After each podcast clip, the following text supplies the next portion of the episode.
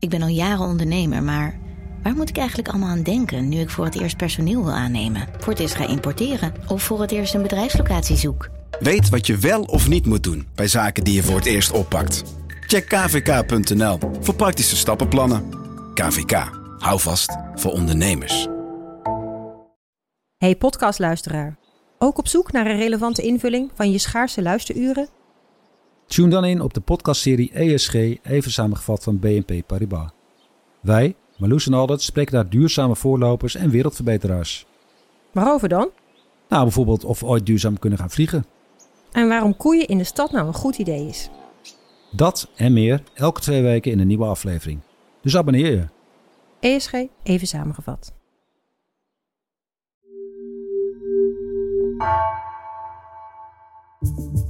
Vanaf de redactie van NRC het verhaal van vandaag. Mijn naam is Floor Boon.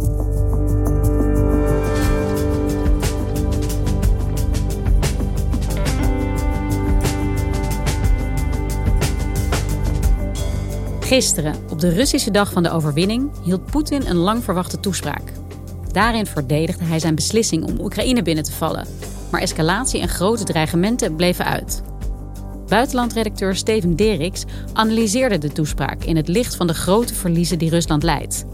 Wat zegt het verhaal van Poetin over het verloop van de oorlog?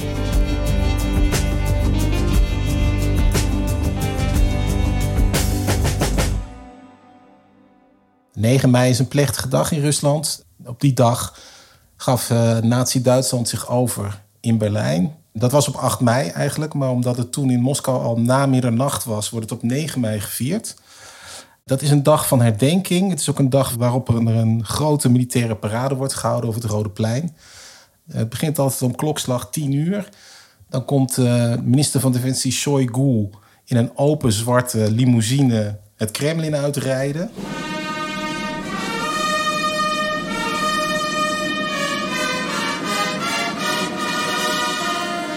En dan krijgt hij vervolgens het commando over de parade. En dan rijdt hij naar de tribune waar Poetin uh, zit. Dan houdt Poetin een speech.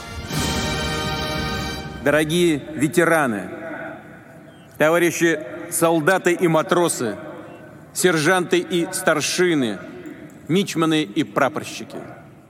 De afgelopen weken is de spanning rond deze speech uh, langzaam steeds verder opgelopen. En dat komt eigenlijk omdat Iedereen zit te wachten op een escalatie van Poetin. US and Western officials say Vladimir Putin may move to formally declare war on Ukraine as soon as May 9th. Voorzichtige inlichtingen geven aan dat hij mogelijk die datum gaat gebruiken om een algehele mobilisatie af te kondigen. Om nog meer mensen onder de wapens te krijgen. Om zichzelf sterker nog te maken in de Donbassregio. He is probably going to declare on this May Day that uh, we are now at war with the world's Nazis and we need to mass mobilize the Russian people. En hij zou dus, dat is eigenlijk wat heel veel mensen zich begonnen af te vragen, wat nou als hij deze symbolische dag, de dag van de overwinning op Nazi-Duitsland, gebruikt om de oorlog verder te escaleren en op te roepen tot mobilisatie. En toen kwam die lang verwachte toespraak. Wat gebeurde er? Nou, om te beginnen kondigde hij dus geen mobilisatie af. Hij heeft ook geen perspectief geschetst van hoe de oorlog zich zou moeten ontwikkelen. Hij heeft eigenlijk ook helemaal geen speech gehouden waarin hij de Russen probeerde een hart onder de riem te steken of um, om hen um, enthousiast te maken voor dit conflict. Hij kwam eigenlijk niet verder dan het woord отпор, agressie. Опасность росла с каждым днем. Россия дала упреждающий отпор агрессии.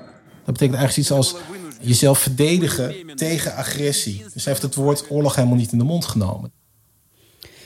Ja, dus geen grote dreigementen, geen mobilisatie. Wat gebeurde er wel gisteren? Wat zei Poetin wel? Het belangrijkste wat hij zei was dat hij uh, probeerde uit te leggen waarom deze operatie absoluut noodzakelijk was. En daarbij herhaalde hij weer een aantal dingen die hij al eerder heeft gezegd. Namelijk dat het Westen Oekraïne verandert in een soort van um, basis om Rusland aan te vallen. En daarbij gebruikte hij eigenlijk al een aantal rare formuleringen. Hij zei eigenlijk: Ja, uh, Oekraïne is bezig om ons land aan te vallen. En dat bedoelde hij op de Donbass, dat is dus het oosten van Oekraïne, en hij doelde op de Krim. В открытую шла подготовка к очередной карательной операции на Донбассе. En dat alles was eigenlijk bedoeld om te rechtvaardigen waarom Rusland deze oorlog gestart is. Dat probeerde hij uit te leggen. En dat is toch iets anders dan dat hij zei van wij gaan winnen.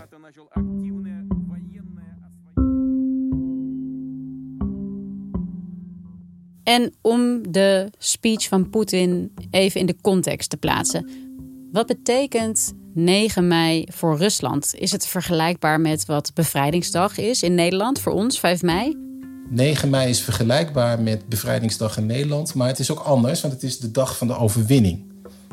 En in Nederland vieren we dat we niet langer bezet waren door de Duitsers, maar in Rusland viert men dat men de Duitsers verslagen heeft.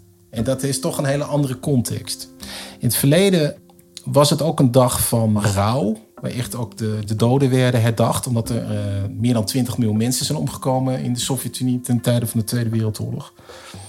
Nu dat een beetje vervaagd is, omdat het al zo lang geleden is, is het steeds meer een dag geworden waarin Rusland wil laten zien hoe sterk het is en hoe onoverwinnelijk het is. Vooral ook onder invloed van Poetin zelf. Dus die is deze feestdag steeds meer gaan gebruiken als een soort van dag van nationale trots. En een dag waarop hij uh, zijn eigen regime legitimeert. Een dag waarop hij laat zien waar Rusland voor staat. За Россию! За победу! Ура!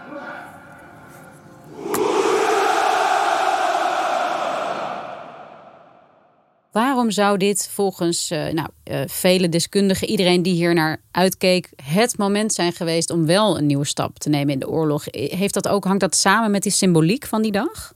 Ja, dat, daar heeft het gewoon absoluut mee te maken. Kijk, hij kan net zo goed morgen de mobilisatie afkondigen.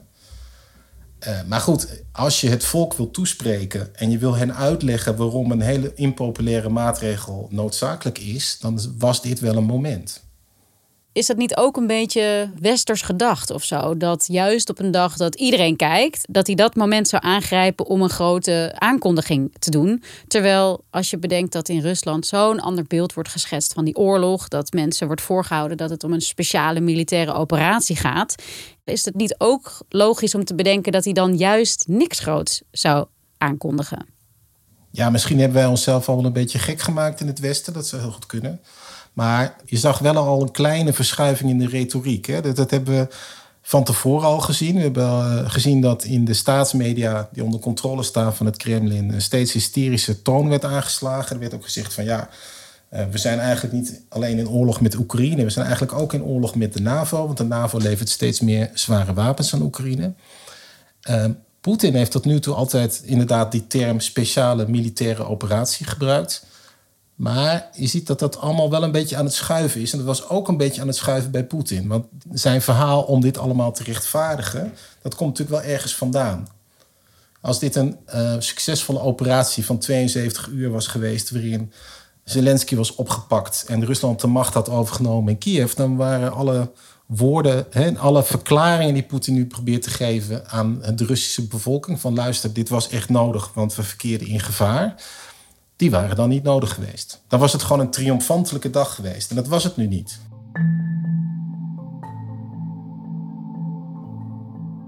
Eind februari, 24 februari, is Poetin begonnen met die oorlog. Uh, nou, grofweg tien weken uh, verder zijn we inmiddels. Hoe staat Rusland ervoor op dit moment? Nou, eigenlijk heel slecht. Een uh, militair commentator van de BBC had het over uh, plan C, dat inmiddels in werking is getreden. Ik weet niet of hij gelijk heeft. in ieder geval was plan A was, uh, Kiev snel innemen. En toen zagen we dat Rusland zijn troepen over een veel te groot gebied had verspreid. En vanuit allerlei richtingen Oekraïne binnentrok zonder enige coördinatie. Nu zitten we in plan B of plan C. En dat is proberen Oekraïne te verslaan in het oosten. Maar je ziet in de afgelopen weken dat er eigenlijk nauwelijks vorderingen zijn gemaakt. Uh, dat er wel uh, heel veel slachtoffers vallen. In ieder geval aan de Russische kant, maar waarschijnlijk ook aan de Oekraïnse kant. De generale staf in Kiev zegt dat er inmiddels meer dan 25.000 Russische soldaten zijn gesneuveld. Dat is misschien wat aan de hoge kant. Maar stel, we nemen dat getal even aan als waar. Dan moet je je daarbij bedenken dat 25.000 gesneuveld. betekent dat er ook nog minstens 50.000 soldaten gewond zijn geraakt. De verhouding is al minstens 1 op 2. Dus voor elke gesneuvelde soldaat heb je minstens twee gewonden, zo niet drie. Nou ja, dan zitten we dus op uh, minstens 75.000 uitgeschakelde Russische militairen. Ja, ga maar na. De invasiemacht was naar schatting 190.000 militairen. Dus dat, dat is gigantisch. Als Rusland in dit tempo doorgaat en in dit tempo soldaten opoffert, dan komt er gewoon heel snel een einde aan, eh, aan de mogelijkheden om eh, überhaupt nog in het offensief te gaan. Ja, en als je het dan hebt over mobilisatie van de bevolking, eh, het weer invoeren van de dienstplicht. Hoe zie jij dat? Is dat toch nog iets dat eh voor ligt nu? Omdat Rusland er niet aan ontkomt om ja, nieuwe manschappen aan te voeren. Nou, ik denk dat hij tot nu toe heel erg terugschrikt voor de binnenlands politieke gevolgen. Want dit gaat een buitengewoon impopulaire maatregel zijn. Sowieso is zijn regime steeds meer gaan leunen op repressie. En eh, is het steeds minder gebaseerd op werkelijke populariteit van Poetin zelf. Ja, zolang mensen niet lijf en leden riskeren een dak boven hun hoofd hebben en de verwarming het nog doet, dan zullen ze waarschijnlijk allemaal netjes thuis blijven zitten en niet gaan demonstreren. Als dat betekent dat je in de gevangenis kan worden gegooid. Maar als deze oorlog nog maanden gaat duren en jouw zoon moet naar het front, ja, dan wordt het toch iets anders. Hè? En dan zou dus de onrust en de protesten zouden wel eens eh, heel snel kunnen gaan toenemen. En hoe staat het aan Oekraïnse zijde? We hebben het nu over de verloren manschappen bij de Russen en dat zij er slecht voor staan. Maar gaat Oekraïne dit nog lang volhouden? Ja, Oekraïne heeft natuurlijk ook een groot probleem. Ehm, dat kunnen we zien aan eh, het feit dat Zelensky en andere Oekraïnse regeringsfunctionarissen dagelijks smeken om meer wapens. Over hun verliezen zeggen ze niet zoveel, maar die zijn natuurlijk ook heel hoog. Gezien de, de schaal van de gevechten met massale inzet van artillerie over en weer. Alleen er is één groot verschil, is dat eh, Oekraïne verdedigt zijn eigen grondgebied. Verdedigt zijn eigen voortbestaan. En er zijn dus eh, eh, miljoenen mensen bereid om gevaar te lopen voor het vaderland, want dat wordt bedreigd. En dat is toch heel anders dan Poetin. Dat als Poetin mobiliseert, dan, dan gaat hij mensen tegen hun zin naar het front sturen. Maar mensen in Oekraïne hoef je niet te motiveren. Nu weten precies wat het betekent, Russische bezetting. Kijk maar naar Butsja. Kijk maar naar andere gebieden waar de meest verschrikkelijke dingen zijn gebeurd. Ja, en wat zegt dit jou nu over het verloop de komende weken, maanden? Nou, als, als Poetin dus niet durft te escaleren... en dat kan alsnog gebeuren natuurlijk, kan op een willekeurig moment... Maar goed, we zijn deze mijlpaal toch uh, gepasseerd. Uh, het is niet gebeurd. Poetin heeft niet verder geëscaleerd. Ja, dan komt er een moment waarop hij een compromissen zal moeten sluiten. Misschien kan je herinneren dat Rusland een oorlog gevoerd heeft in, uh, in Georgië. En dat draaide om een klein stukje gebied in Georgië, Zuid-Ossetië, dat zich toen ook definitief heeft afgescheiden van Georgië. Het is maar een heel klein gebiedje. Maar deze week was ineens in het nieuws dat er um, nog zoiets gezegd van ja, binnenkort komt er een referendum over aansluiting bij Rusland. Dezelfde bewegingen zien we rond de Donbass. Met, je kan je misschien herinneren dat daar twee uh, satellietstaatjes zijn opgericht in Rusland: de Volksrepublieken Donetsk en Lugansk. Er zijn steeds meer geruchten dat daar iets mee gaat gebeuren. Er zijn geruchten dat Rusland misschien wel uh, nieuwe volksrepubliek wil oprichten in het stuk uh, in Zuid-Oekraïne dat ze inmiddels hebben veroverd rond de stad Gerson. Zoiets als de, de, de, de Volksrepubliek Gerson. dat zijn allemaal tekenen die erop wijzen dat Rusland aan het consolideren is.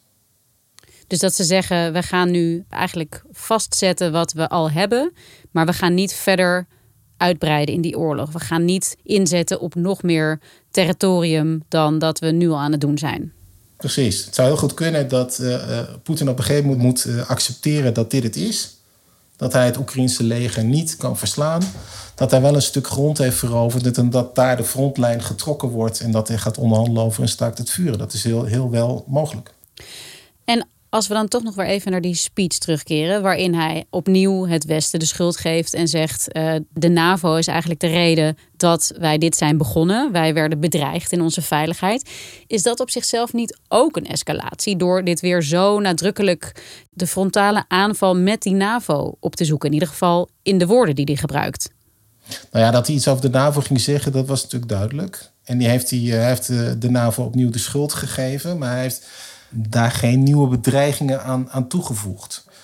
Aan het begin van het conflict heeft hij ook heel theatraal uh, de strategische kernwapens uh, op een hoger uh, alarmeringsniveau gebracht. Hè. Dat werd ook uitgezonden. Dat was heel duidelijk een dreigement gericht aan het Westen van bemoei je niet met deze oorlog. Nou, dat is het Westen wel gaan doen, sluipende wijs, steeds meer. Er gaan steeds meer zware wapens richting Oekraïne. Ook dingen waarvan we denk ik twee maanden geleden dachten: nee, dat kunnen we beter niet doen, want dat is te gevaarlijk. We zien dat de Amerikanen op grote schaal inlichtingen delen met de Oekraïners die hen in staat stelt om bijvoorbeeld uh, aanvallen uit te voeren op hele strategische doelen, zoals de, de kruiser Moskwa, die tot zinken is gebracht door een Oekraïnse raket, door aanvallen op uh, uh, Russische generaals die zich aan naar de frontlijn bevinden. Dan weten de Amerikanen weten precies waar die zitten. Dus je ziet dat de betrokkenheid van de NAVO eigenlijk stap voor stap toeneemt. Uh, maar Poetin zet daar tot nu toe niks tegenover. Dat is eigenlijk uh, een enorme geruststelling dat hij dat niet doet.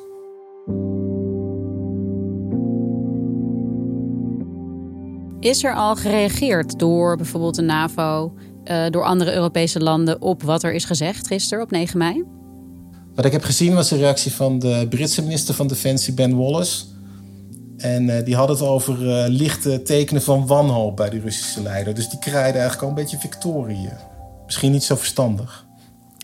Ja, want als we dan toch nog even dat moment nemen. Iedereen keek er naar uit. Er waren hele grote ideeën over opgetuigd. Wat er mogelijk gezegd kon gaan worden. Hoe er geëscaleerd kon gaan worden op 9 mei. En nou, dat is dus niet gebeurd. Moeten we nu opgelucht zijn? Ja, ik denk dat we wel opgelucht kunnen zijn. Maar ik denk tegelijkertijd dat het nog lang niet voorbij is. Men verwachtte dat hij nu iets zou doen, maar dat kan altijd nog natuurlijk. Hij kan op een uh, willekeurig moment uh, mobiliseren. Hij kan ook uh, op een willekeurig moment besluiten dat het genoeg is geweest en daarna voor de wacht aanzeggen over de wapenleveranties. Dus ja, het is nog een beetje te vroeg om nu al te zeggen: we zijn in veilig vaarwater beland. Dankjewel, Steven. Graag gedaan.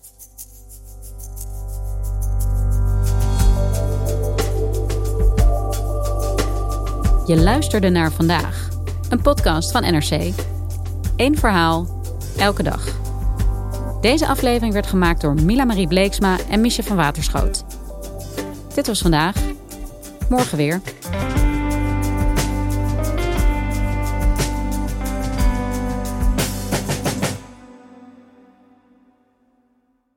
Technologie lijkt tegenwoordig het antwoord op iedere uitdaging. Bij PwC zien we dit anders. Als we de potentie van technologie willen benutten, kunnen we niet zonder een menselijk perspectief. Human-led, tech-powered noemen we dat. Ga naar pwc.nl.